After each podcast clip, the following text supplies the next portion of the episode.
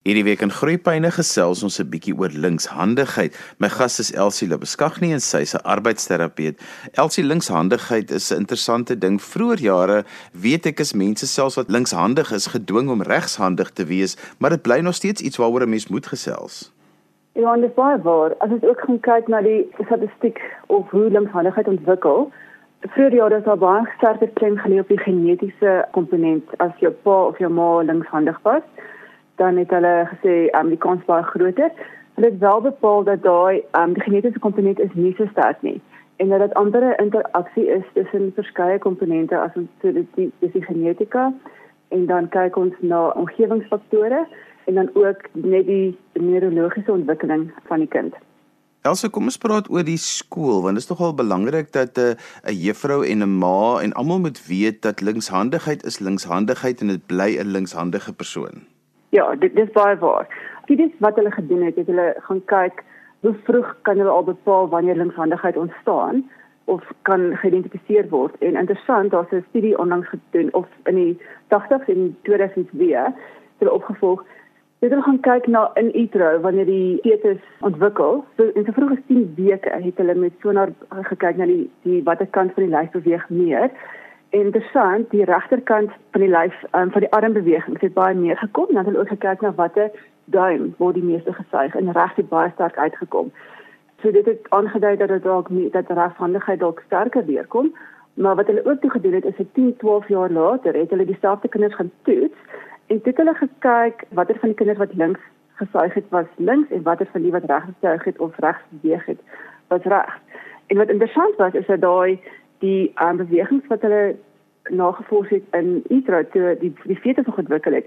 Daar was 'n 95% akkuraatheid waar hulle kon bepaal dat as die fetus daai duim gesuig het of um, of die arm beweeg het dat hulle dan um, later jare daai dominansie toon. So dit is dan baie belangrik vir die ouers om te besef dat links is is daar en ons moet dit in ag neem en om dit te verander is jy doen eintlik net 'n onreg aan. Wat jy ook vroeër genoem het van die waar kinders gedwing is. Hulle het gaan kyk na die omgewingsfaktore en een van die areas wat hulle gekyk het is in Engeland van die 1970s af. Het hulle bevind dat as hulle net gaan kyk, het die linkshandigheid baie minder voorgekom en wat hulle toe kan neerskryf is dat in die skoolstelsel was kinders amper meer gedwing om reg te skryf. So die statistiek van daardie het gewys dat links is nie so prominent nie, maar as kinders se dominansie verander word, dan het dit 'n invloed op hulle ontwikkeling en hulle vaardigheidsontwikkeling. Elsie want dis maar vir elke ouer 'n angs want mense weet mos nou nooit so gou of 'n kind links of regshandig is nie. Dis baie keer ook onseker in 'n sekere tyd. En as 'n mens nou iemand in die familie het wat linkshandig is dan is 'n mens ook 'n bietjie meer daarop ingestel om nou nie die verkeerde kant te kies nie. So daar's daai periode wat ouers baie onseker is hieroor. Daar is nogal ouers sal baie keer kom vir arbeidsterapie of sê my kind ruil nog hande. So wanneer ons gewoonlik kyk is op 3 jaar kyk ons dat hulle ten minste 'n voorkeur begin toon. Kom ons sê of meer links gebruik of meer regs gebruik. En op 5 jaar wil ons um, ideaal gesproke hê dat 'n kind se dominansie direk vasgelê moet wees. Dat hulle konstant een hand gebruik vir 'n sekere aktiwiteit, soos byvoorbeeld skryf. En dominansie kom baie meer na vore in jou fynmotoriese ontwikkeling. En dit gaan hulle ook gaan kyk na 7 maande wanneer babas begin uitreik na speelgoed en wanneer hulle op 11 maande hulle self begin voer, wat in hand hulle gebruik. Maar tussen van baba gewys tot en met 3 rou hulle nog baie hande en dit en dit is binne perke. Myself tussen 3 en 5 as hulle hande ruil, uh, maar dan wil ek sê ons ook vir ouers nie net kyk na wanneer hulle skryf nie. Kyk byvoorbeeld as hulle met tandeborsel, waarmee vryk hulle uit. En as jy vir iets aangee, gee hulle in hulle midlyn aan dat hulle self kies watter hand hulle die objek nie nou wil vat. En dan as ek in teen 5 jaar verseker nog ruil of hulle begin met linkerhand te skryf en kom in die midlyn en hulle ruil oor die regterkant um, kantie, dan sal ek um dalk hulle aanbeveel om um, 'n arbeidsterapeut te kontak wat dan kan help om kyk, dat dit kan help dat die fisiese ontwikkeling gestimuleer kan word dat ons kan kyk of die lateraliteit dan weer begin inskop. Elsie so as ek as ouer nou bekommerd is en ek wil nou graag dan my kind so 'n bietjie help. Ek kan sien my kind vat goed meer links, maar hy's aan die ander kant ook. moet ek dan dit probeer help? Want baie keer wil ek hulle mos nou maar help dat dit moet doen. Of moet ek net 'n bietjie terugstaan? Soos jy het gesê gebruik die middellyn en so aan. Maar baie keer wil ek mos nou maar ook net 'n bietjie die dinge bietjie in 'n rigting stoot. Wat moet ek as ouer doen? Ja ek dink jou handvoorkeer ontwikkel natuurlik. So as jy baie aandag daarop fokus, dan kan jy kind baie meer bewus maak daarvan. En nou raak dit amper 'n kognitiewe ding van hoe ek moet met hierdie hand skryf of met daai hand skryf wat mamma het so gesê. As we amper sê jy dit in die midlyn aangee tussen 3 en 5 nou 5 behoort hulle 'n meer konstante aanvaardigheid of 'n of um, te toon of 'n handvoorkeer te toon. As ouer wil ek amper sê is om dit amper natuurlik laat doen en ook as die ouers dan observeer met watter hand die kind wat tande borsel waarmee eet hy as hy sy koppie optel tel hy hom met sy regter opband of op linkerhand op en dan wat ook belangrik is is baie keer kinders wat sukkel met midline kruising sal 'n objek wat aan die linkerkant is met 'n linkerhand optel en dan oorplaas na die regterkant toe. So hulle van noodwendig die objek ehm um, as hulle regshandig is, die objek in die linkerkant op die area gaan haal met hulle regterhand nie. Dit wys dan ook vir ons dat bilaterale integrasie of hierdie twee liggaamshelfte saamwerk nog nie optimaal ontwikkel is nie. Dit is belangrik dat tussen 2 en 5 dat kinders aangemoedig word om aktiwiteite met beide hande te doen. Ehm um, so wat as ons dink aan aktiwiteite soos knip, die een hand jou een hand hou vas en die ander hand manipuleer die skerp. Um as jy skryf, jy een hand stabiliseer die papier en die ander hand hou byvoorbeeld jou potlood vas. Kan dit knippe vasmaak, ritsluiters. So ek wil amper sê stimuleer die kind soveel as moontlik waar beide hande in aktiwiteit betrokke is. Skryfspel waar jy met albei hande werk, rol is dan met albei hande. So daar's verskillende goed wat jy kan doen, maar ek wil amper sê om nie dit wenig druk op die kind te plaas nie. En as iemand links is in die familie, is om dit dop te hou sonder om die aandag daarop te fokus. Wat doen linkshandige mense en kinders anders as wat regshandige kinders nou weer sal doen en wat 'n mens dan nou een of ander aanpassing moet opmaak? Ja, ons sien dit nogal gewoonlik as dit kom by die skoolaktiwiteite. Ehm um, die kant wat hulle byvoorbeeld as hulle skryf, die boek na te draai en dan wat ons gesien het is dat die ehm um, Ek dink die altyd toe hulle nog met ingeskryf het, wat nie so vinnig droog geword nie. As jy met jou linkerhand skryf en jy hou jou hand so ehm um, jou pols amper reguit, dan gly jou vingers amper bo oor die letters wat dan die ehm um, kan veroorsaak dat die ink smeer. So baie mense sal ook gaan kyk as hulle met hulle linkerhand skryf, sal amper hulle pols buig en amper 'n hakarm maak en dan skryf hulle ehm um, met die die pen is aan die as amper die bokant van die van die bladsy um, om dan ook beter te kan sien dan kry mens ook lineale en ehm um, goed wat wat dit aangepas is dat die ehm um, vir spesifiek vir linkshandiges en as baie ouer webwerwe na waarna mense kan gaan kyk. En dan 'n belangrike ding wat baie min ouers nie besef nie is dat ons kry linkerhand skare en party van die skare se ehm um, handvatsels is verskillende kleure, maar van hulle is nie. En belangrik is om te gaan kyk letterlik op na jou skare se lemme. As jy dit reg is, gaan kyk watter kant jou oog na kyk wanneer jy sny en watter kant is die is die snykant van die skerp wil ek amper sê. En as jy van 'n linkerhand skerp vat, gaan jy sien dat die lemme is omgedraai. So dat die snykant op die lemkant is dan basies aan die teenoorgestelde kant as die regterhand skerp. En sulke klein goedjies maak dat dit dan vir die linkshandige kind makliker om vir al fyn motoriese vaardighede te doen. Jy luister na Groepyne op RSG 100 tot 104 FM wêreldwyd op die internet by rsg.co.za. Jy kan ook na ons luister op die DSTV se audiokanaal 813. Ons gesels vandag oor linkshandigheid en my gas is Elsie Labuskaghni en sy's 'n arbeidsterapeut. Jy kan gerus op die SMS lyn ook vir ons 'n bietjie van jou ervaring vertel as jy 'n linkshandige persoon is en dalk ook 'n paar wenke gee wat vir jou gewerk het.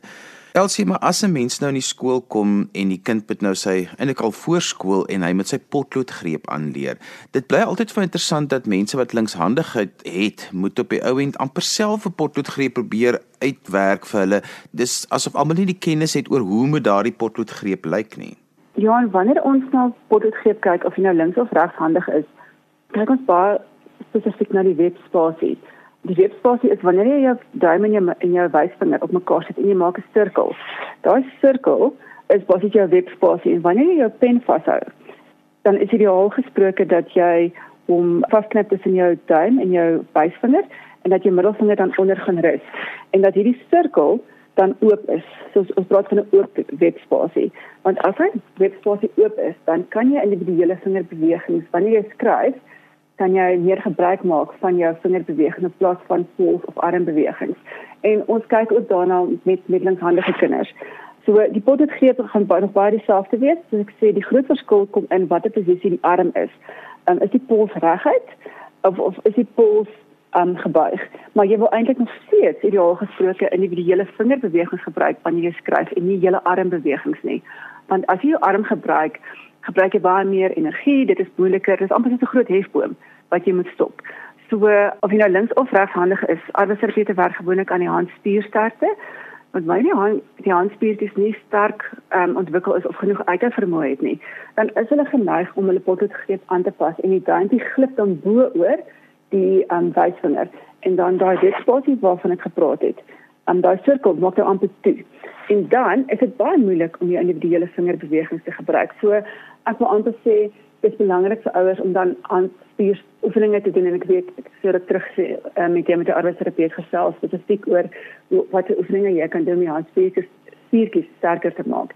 So dit is net so belangrik vir jou linkshandige kind dat jou handspiere sterker word en dat jou uithouvermoë om vingerbewegings te gebruik dan ontwikkel word. Elsie, dis nog 'n uitdaging vir ouers wat regshandig is met 'n linkshandige kind om byvoorbeeld 'n eenvoudige ding vir so 'n kind te leer om uh, skoenveters vas te maak want jy doen dit anders omdat jou dominante hand anders is. Ja, en skoenveters is nog interessant ook want wat dan gebeur is as jy 'n kind linkshandig is en jy sit dan reg teenoor hom, amper soos 'n spiegelbeeld, is dit makliker vir hulle om dit na te boots want wat jy dan doen en as hulle dit teenoorgestelde doen is presies wat hulle eintlik nodig het om te doen. Ek vind dit amper moeiliker vir reghandige kinders om hulle veters um te leer om hulle veters te knip want jy sit dan reg teenoor hulle. So met reghandige kinders sit ons eintlik aan langs hulle dat hulle kan kopieer. Dit is eintlik makliker as jy reg teenoor jou kind sit en jy doen stap vir stap en hy kan dit dan net kopieer knipoog vasmaak. Knipoog vasmaak is 'n lekker bilaterale aktiwiteit waar albei handjies moet moet saamwerk en hulle gaan teen teen een hulle hulle linkerduim gebruik um, om die knopie deur te sit vir ons ons regterduim gebruik.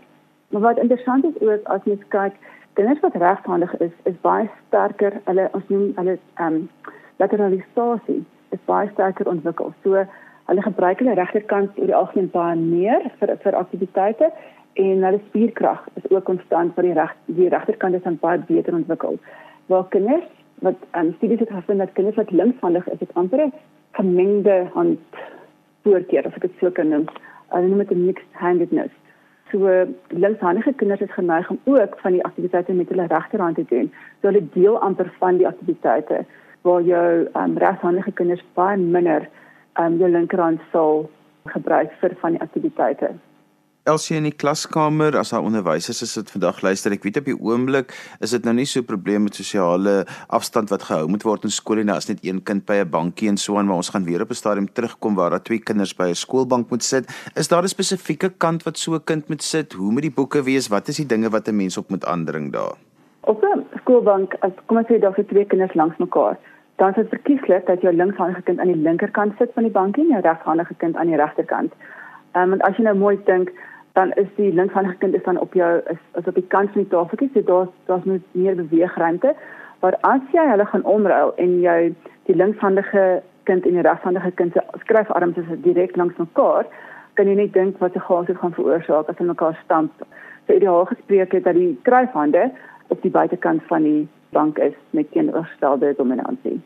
Elsie wanneer moet ouers 'n arbeidsterapeut kom sien met 'n linkshandige kind? Johan, dis net wenig dit wenig net 'n uh, links linkshandige kind wat verwys word vir arbeidsterapie nie.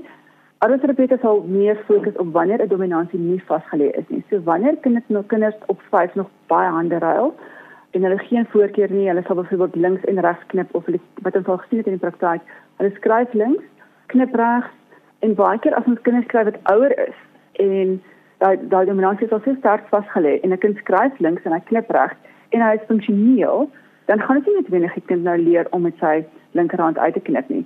So ons kyk baie na funksionaliteit. So as die kwaliteit van die knipwerk baie goed is en die kind koop daarmee, dan wil ek sê kom ons hou daarna.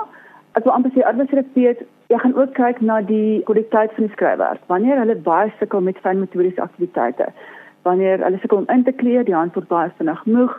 Um en dit gewoonlik met links en en reghandige kinders. So daar's nie noodwendig verskil om 'n links dat 'n linkshandige kind meer terapie benodig nie. So ek wil amper weer eens kyk kyk nou na die kwaliteit van die werk as die inkleerwerk baie slordig is, die handjie word baie vinnig moeg en kinders is ook gewoonlik slim genoeg om te weet wanneer om 'n aktiwiteit te vermy. So hulle hulle sal hulle uit 'n situasie uit kan praat of verskonings kan maak oor hoekom hulle nie nou hierdie tipe aktiwiteit hoef te doen nie. En jy as ouer kan baie stel dat daarmee stry. So maar kyk meer van die kwaliteit daarvan.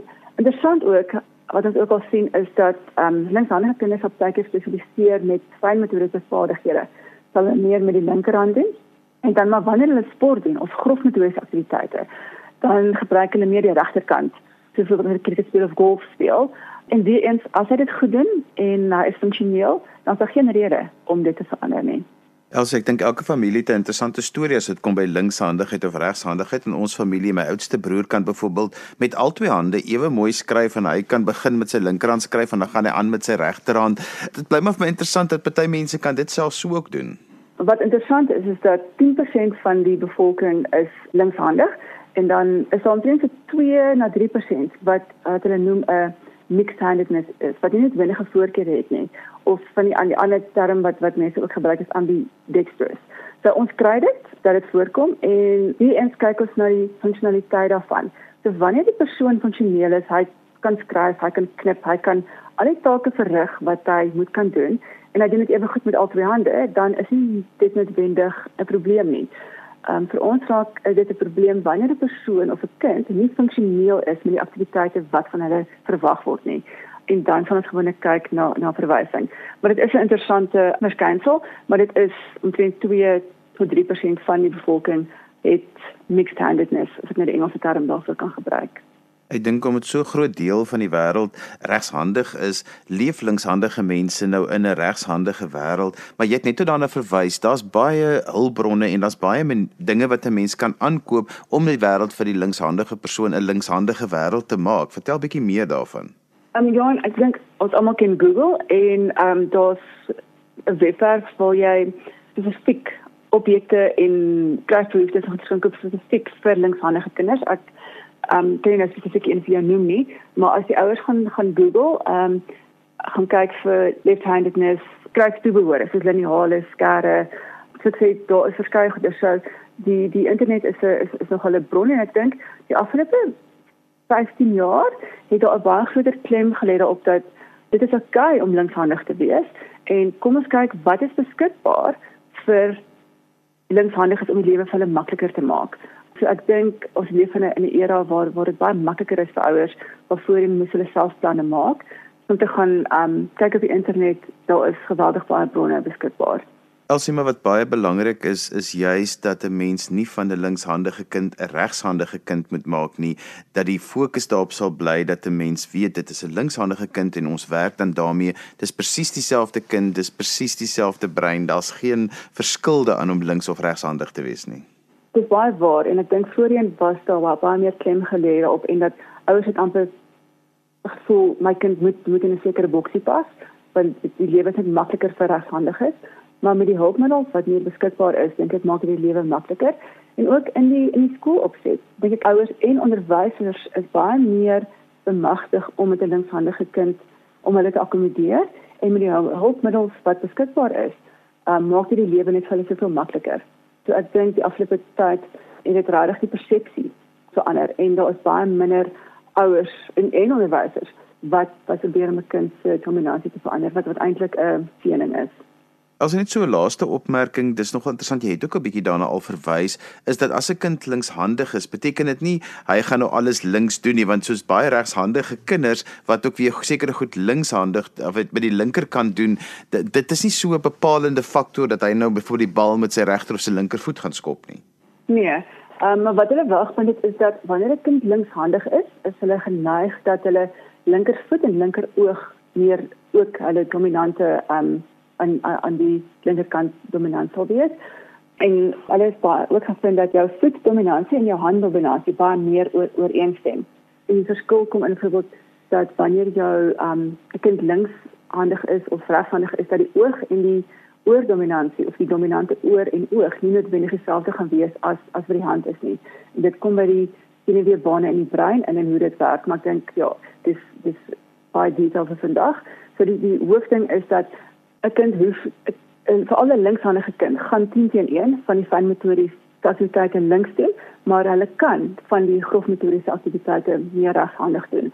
Um waar jou regshandige kinders meer geneig is om konstant die regterkant te gebruik en jou linkshandige kinders het dan hulle hulle deel amper van die van die vaardighede en dit is oukei. Okay. En weer eens kom dit terug by is die kind funksioneel en dit is ons vraag die einde van die dag.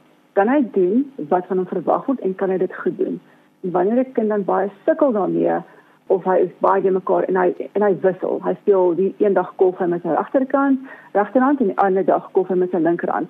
En die ouers sukkel om te sien dat daar konstante gebruik is van een kant. Dan sou ek dit dit verder laat laat ondersoek. Elsie as ouers met jou wil kontak maak om verder hieroor te gesels, hoe kan hulle dit doen? Ehm um, Johan, ek kan my e-posadres vir jou gee. Dit is elsie@worksense is w o r k s e n s e.co. Um sleg.co, nie .za agter nie. En my selfoonnommer kan ek ook gee is 083 256 7312. Dit baie welkom om 'n boodskap te stuur. Ek kan nie altyd antwoord nie en ek sal um, probeer om hulle te help en indien hulle hulp nodig kan ek ook um hulle probeer in kon, in kontak sit met 'n terapeut in 'n uh, area of hulle kan op die um hulle kan notase ook kontak.